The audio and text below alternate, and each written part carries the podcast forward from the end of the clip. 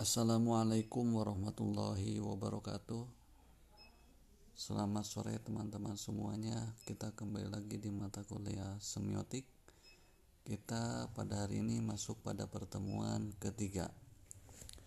Pertemuan kemarin Kita sudah mempelajari tentang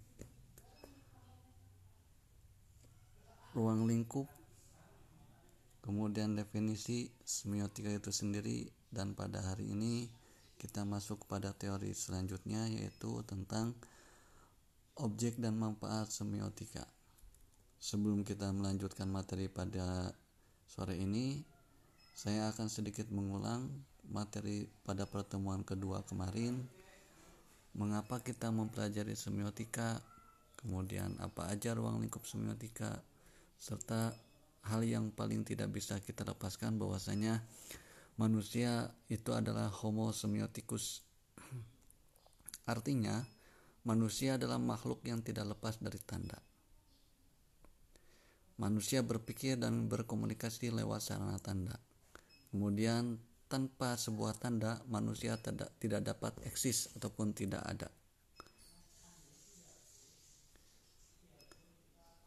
Selanjutnya kita ambil contoh eh, beberapa fenomena yang sering kita temukan atau bahkan kita alami sendiri tentang manusia tidak bisa lepas dari tanda dan menggunakan tanda-tanda itu sendiri untuk mengungkapkan apa yang ada dalam ide atau apa yang ada dalam pikiran mereka itu sendiri.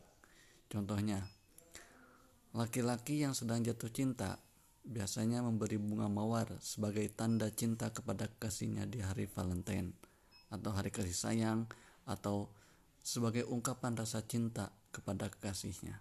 Kekasih di sini bukan hanya sebatas kepada pasangan tetapi bisa saja mengungkapkan rasa cinta itu kepada orang tua, kepada kepada orang yang emang kita kasihi itu salah satu contoh bahwasanya manusia itu sebagai homo semiotikus manusia tidak bisa lepas dari tanda dalam kehidupan sehari-harinya. Contoh lain.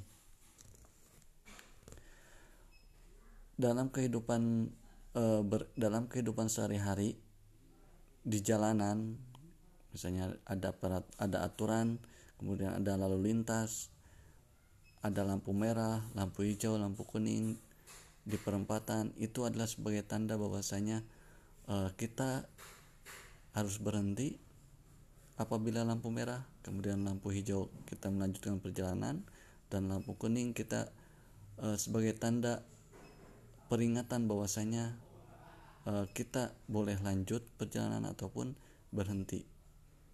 Itu dan sekarang kita masuk kepada materi tentang objek semiotika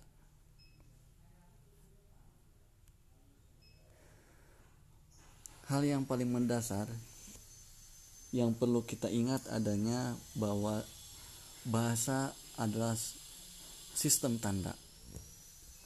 Mengapa dinamakan sistem tanda? Karena memiliki e, memiliki tiga kriteria, memiliki tiga unsur yang sudah e, mencakup pada bahasa itu sendiri. Yang pertama adalah bahasa eh, representatif tanda harus menyatakan hal yang lain. Representatif. Karakter kriteria pertama dinamakan bahasa sebagai tanda adalah bahwasanya tanda itu representatif. Tanda harus menyatakan hal yang lain. Kemudian yang kedua interpretatif tanda harus dapat dipahami atau ditafsirkan. Dan yang ketiga konvensional, tanda harus disepakati oleh para penggunanya. Berbicara tentang konvensional, kemudian interpretatif dan representatif, ketiga karakter ini e, merupakan karakter e, bahasa disebut sebagai tanda. Apabila salah satu karakternya hilang, maka bahasa tidak tidak dapat dinamakan sebagai tanda.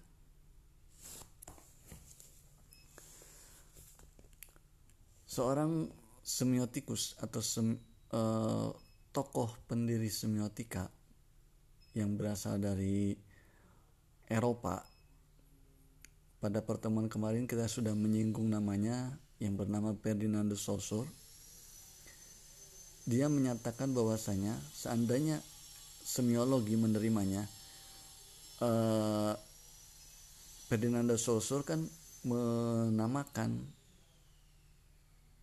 ilmu tentang tanda ini dengan istilah semiologi.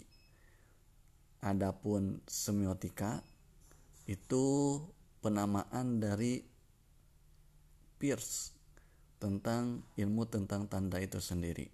Jadi ada dua mazhab. Yang pertama mazhab Ferdinand de Saussure, Saussurian, kemudian mazhab uh, Persian, Pierce, Persian. Nah, saya mengutip uh, tokoh semiotika dari Eropa yang bernama Ferdinand de Saussure bahwasanya seandainya semiologi menerima menerimanya objek yang pokok bagi semiologi tetap saja berupa himpunan sistem yang didasari oleh kesemenaan atau kebebasan tanda. Memang saran mengungkapkan apa pun yang diterima dalam suatu masyarakat didasari oleh suatu kebiasaan kolektif atau konvensi. Dari sini bahwasanya dia atau Saussure menegaskan bahwa objek semiotika adalah sistem tanda yang bersifat konvensional. Apa itu konvensional? Tadi kita sudah sedikit membahas bahwasanya konvensional harus disepakati oleh para penggunanya. Sisi lain, hak, salah satu hakikat dari bahasa itu adalah konvensional dan arbitrer. Kita akan sedikit mengulang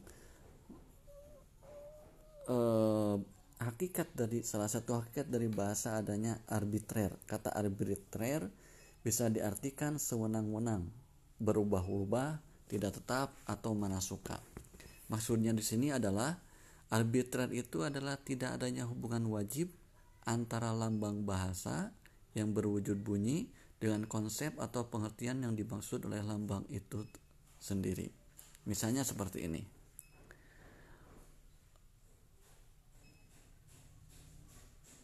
Antara apabila ada sebuah bunyi yang mengungkapkan kuda dengan yang dilambangkannya yaitu sejenis binatang berkaki empat yang biasa dikendarai atau dibuat balapan dipacu di balap kuda kita tidak dapat menjelaskan mengapa binatang tersebut dilambangkan dengan bunyi kuda gitu.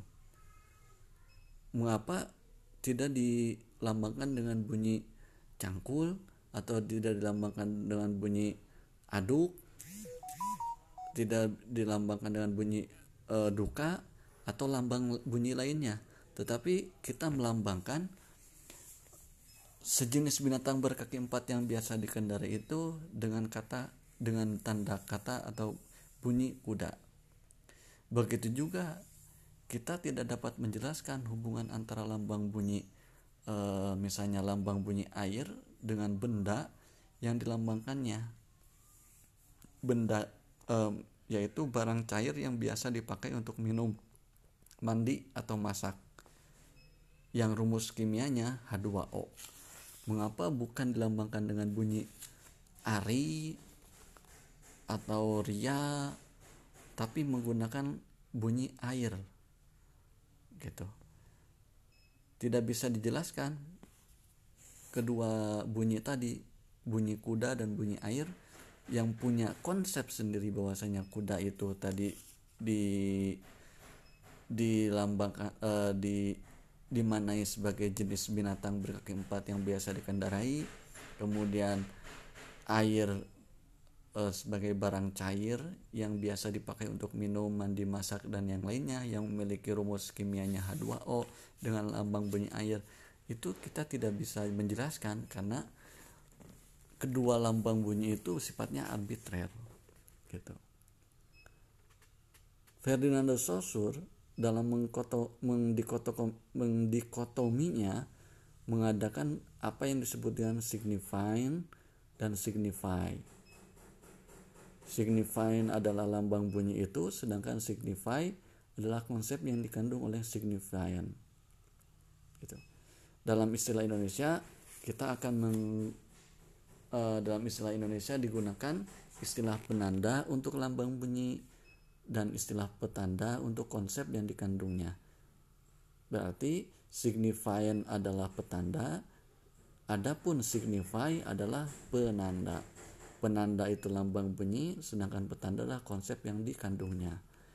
Contohnya tadi, lambang bunyi kuda berarti lambang bunyi kuda itu sebagai penanda, adapun eh, konsep yang dikandung dari lambang bunyi kuda itu yaitu sejenis hewan berkaki empat yang dapat dikendarai itu adalah petanda.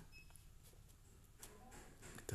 Hubungan antara petanda dan penanda itu bersifat arbitrer, sewenang-wenang, tidak ada hubungan wajib antara keduanya. Lambang yang berupa bunyi itu tidak memberi saran atau petunjuk apa pun untuk mengenal konsep yang diwakilinya. Gitu itu hakikat pertama dari bahasa yaitu arbitrer kemudian yang kita, akan kita pelajari uh, maksudnya yang jadi objek kajian dari semiotik adalah tadi disebutkan bahwasanya bahasa sistem tanda yang bersifat konvensional gitu salah satu tanda hakikat dari bahasa adalah bahasa itu bersifat konvensional. Meskipun hubungan antara lambang bunyi dengan yang dilambangkannya bersifat arbitrer, tetapi penggunaan lambang-lambang tersebut untuk suatu konsep tertentu bersifat konvensional. Satu sisi bersifat arbitrer, sewenang-wenang, bebas, dan satu sisi bersifat konvensional. Gitu. Apa sih konvensional itu? Artinya semua misalnya semua anggota masyarakat bahasa itu mematuhi konvensi bahasa uh, maaf mematuhi konvensi bahwa lambang tertentu digunakan untuk mewakili konsep yang diwakilinya. Kalau misalnya binatang berkaki empat yang biasa dikendarai yang secara arbitrer dilambangkan dengan lambang bunyi kuda, maka anggota masyarakat bahasa Indonesia karena kan bunyi kuda itu ada di bahasa Indonesia sehingga masyarakat bahasa Indonesia semuanya harus mematuhinya mematuhi bahwasanya binatang berkaki empat yang biasa dikendarai yang biasa dijadikan acu, pacuan kuda pacuan balapan itu dinamakan dilambangkan dengan lambang bunyi kuda kalau tidak dipatuhi gimana? Dan menggantinya dengan lambang lain gimana? Maka komunikasi akan terhambat. Jadi di sini eh, ada konvensi, ada kesepakatan antara pengguna bahasa Indonesia yang melambangkan bunyi kuda dengan konsep bahwasanya kuda itu binatang berkaki empat yang biasa dikendarai yang secara arbitrary dilambangkan dengan lambang bunyi kuda gitu. Apabila merubahnya dengan lambang bunyi lain, misalnya aduk untuk merepresentasikan eh, binatang berkaki empat yang biasa dikendarai, maka komunikasi akan terhambat. Satu dengan yang lainnya tidak bisa memahami tidak bisa memahami makna yang disampaikan oleh penutur ataupun oleh komunikan kepada komunikator bahasanya maka bahasanya tidak bisa dipahami oleh penutur bahasa Indonesia lainnya dan berarti pula dia te, dia telah keluar dari konvensi bahasa Indonesia itu sendiri. Jadi kalau kearbitraran bahasa terletak pada hubungan antara lambang-lambang bunyi dengan konsep yang dilambangkannya, maka kekonvensionalan bahasa terletak pada kepatuhan para penutur bahasa untuk menggunakan lambang itu sesuai dengan konsep yang dilambangkannya gitu maka hal itu kita sebagai penutur bahasa Indonesia dan hidup di bank di negara Indonesia jangan sekali-kali mencoba mengubah lambang bunyi yang sudah disepakati bersama dalam komunikasi kita sehari-hari. Apabila kita mengubah lambang bunyi kuda, tetapi eh, tetapi kandungan maknanya adalah hewan berkaki empat yang biasa dikendarai, diubah lambang bunyinya dengan aduk atau dengan eh, dengan sapi atau dengan ayam, maka uh, kita tidak akan bisa berkomunikasi baik dengan orang lain gitu. komunikasi kita akan terhambat dalam hubungan dengan lambang dengan konsep yang dilambangkannya berarti di sini ada hubungan antara lambang dengan konsep yang dilambangkan serta sifat konvensional dari bahasa itu ada tiga masalah yang berkaitan yang perlu dikemukakan. Mungkinkah sebuah lambang dapat dilambangkan lebih dari satu konsep? Mungkinkah sebuah konsep bisa dilambangkan dengan lebih dari sebuah lambang? Atau mungkinkah kita dapat memberikan sebuah lambang untuk melambangkan sebuah konsep? Gitu. Kita coba uh, diskusikan bersama. Pertanyaan pertama adalah mungkinkah sebuah lambang dapat melambangkan lebih dari sebuah konsep? Itu berarti satu konsep memiliki berbagai macam lambang. Gitu. Kemungkinan itu bisa terjadi. Contohnya dalam kasus semantik yang disebut dengan ada istilah polisemi dan homonimi. Dalam kasus polisemi, lambang bunyi kepala Misalnya bukan saja melambangkan konsep bagian tubuh manusia sebelah atas, tetapi juga melambangkan konsep ketua atau pemimpin suatu organisasi, suatu lembaga. Itu sama-sama lambang bunyinya kepala, tapi konsepnya berbeda. Gitu. Yang pertama kepala bagian dari tubuh manusia, kemudian kepala bermana ber, mempunyai konsep ketua atau pemimpin sebuah organisasi. Itu dalam kasus polisemi. Dalam kasus homoniminya, lambang bunyi pacar misalnya dapat melambangkan konsep kekasih, tetapi dapat juga melambangkan konsep uh, inai. Gitu. Untuk lebih jelasnya bisa uh, bisa dicari sendiri, bisa dipelajari kembali tentang polisemi dan homonimi. Itu untuk pertanyaan pertama atau eh, permasalahan-permasalahan uh, yang mungkin bisa yang ada di benak kita semua. Pertanyaan kedua, mungkinkah sebuah konsep bisa dilambangkan dengan lebih dari sebuah lambang?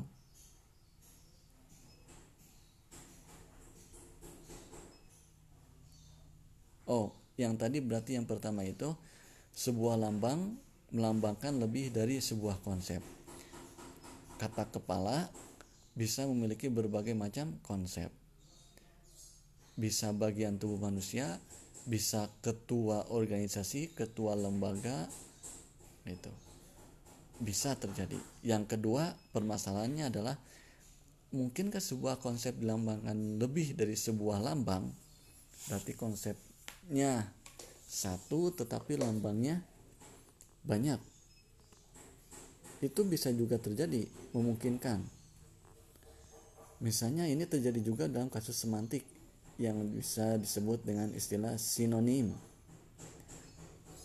Konsep orang tua laki-laki selain mempunyai lambang bunyi ayah juga mempunyai lambang bunyi bapak gitu.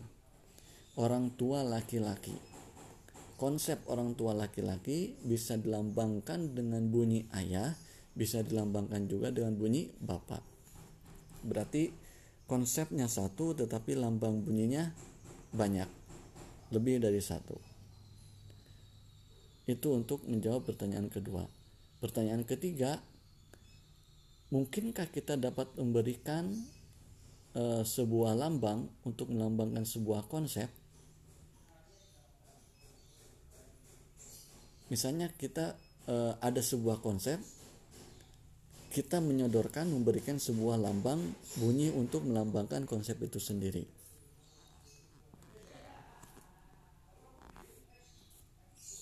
Itu bisa juga terjadi.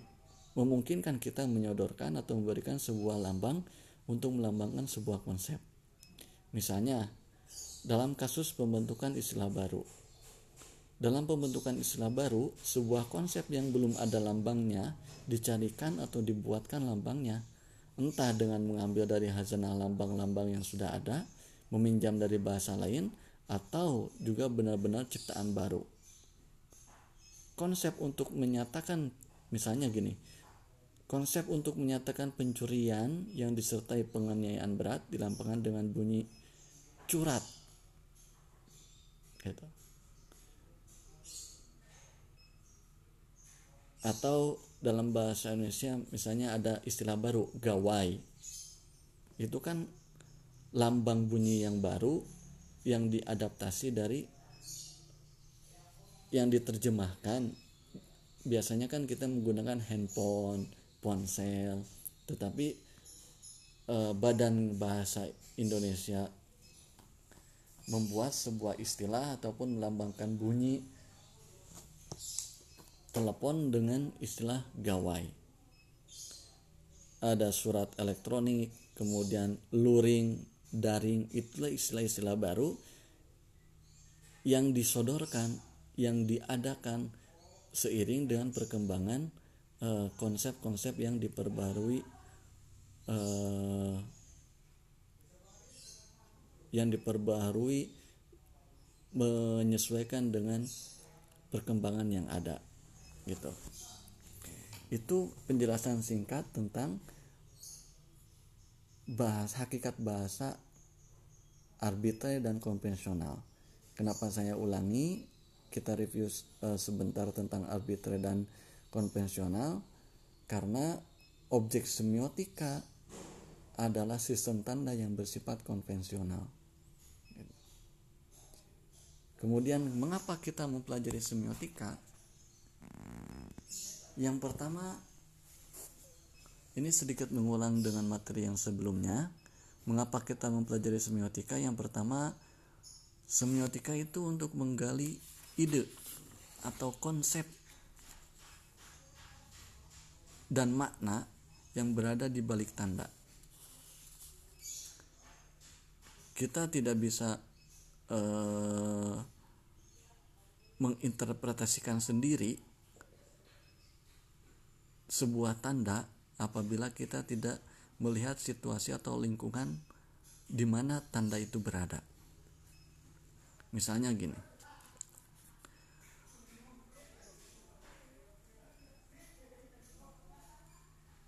Konsep yang menunjukkan bahwa misalnya ada suatu daerah ada sebuah ada uh, ada sebuah daerah yang ingin melambangkan yang memberitahu kepada layak umum bahwa di sana ada orang yang meninggal. Gitu. Mereka melambangkannya ada yang menggunakan bendera warna kuning, ada yang menggunakan bendera warna putih. Gitu. Di beberapa daerah seperti itu. Tidak mesti sama. Misalnya di Jawa Barat tidak mesti tanda lambang e, duka cita dilambangkan dengan warna benda, warna kuning bendera kuning tidak mesti sama semuanya bendera kuning ada juga yang bendera putih di Jawa Tengah di Jogja juga seperti itu tapi pada umumnya tanda kuning tanda putih e, melambangkan tanda duka cita atau ada orang yang meninggal di daerah tersebut gitu dengan semiotika kita bisa menggali konsep atau makna yang berada di balik tanda itu. Dengan mempertimbangkan dengan melihat lingkungan eh, lingkungan yang menggunakan tanda tersebut. Tanda merah. Tanda merah bukan berarti eh, kita harus berhenti lihat saja bagaimana seekor banteng maju tanpa henti menabrak tanda bendera warna merah gitu. Bagi banteng merah itu harus maju, tetapi bagi kendaraan bagi pengguna kendaraan di lalu di jalan raya tanda merah itu harus berhenti gitu. Nah, meskipun lambangnya sama, lambang berwarna merah, tetapi konsep-konsep yang berada di balik lambang tersebut berbeda antara satu dengan yang lainnya tergantung siapa yang menggunakan dan di mana tanda itu digunakan. Kemudian yang kedua, mengapa kita mempelajari semiotika untuk menunjukkan bagaimana terbentuknya tanda di masyarakat. Yang ketiga, untuk mengerti mengenai kaidah dan aturan-aturan tanda dan yang terakhir, pemilihan, pengkombinasian dan penggunaan tanda-tanda dengan cara tertentu sehingga ia dapat mempunyai makna dan nilai sosial. Begitu materi hari ini tentang objek dan manfaat kita mempelajari semiotika. Untuk hal-hal lainnya bisa ditambahkan dengan membaca berbagai referensi dari buku, jurnal, ataupun Eh, media-media lainnya yang berkaitan dengan semiotika materi hari ini. Mohon maaf apabila banyak kesalahan. Al-afu minkum wallahu muwaffiq ila Wassalamualaikum warahmatullahi wabarakatuh.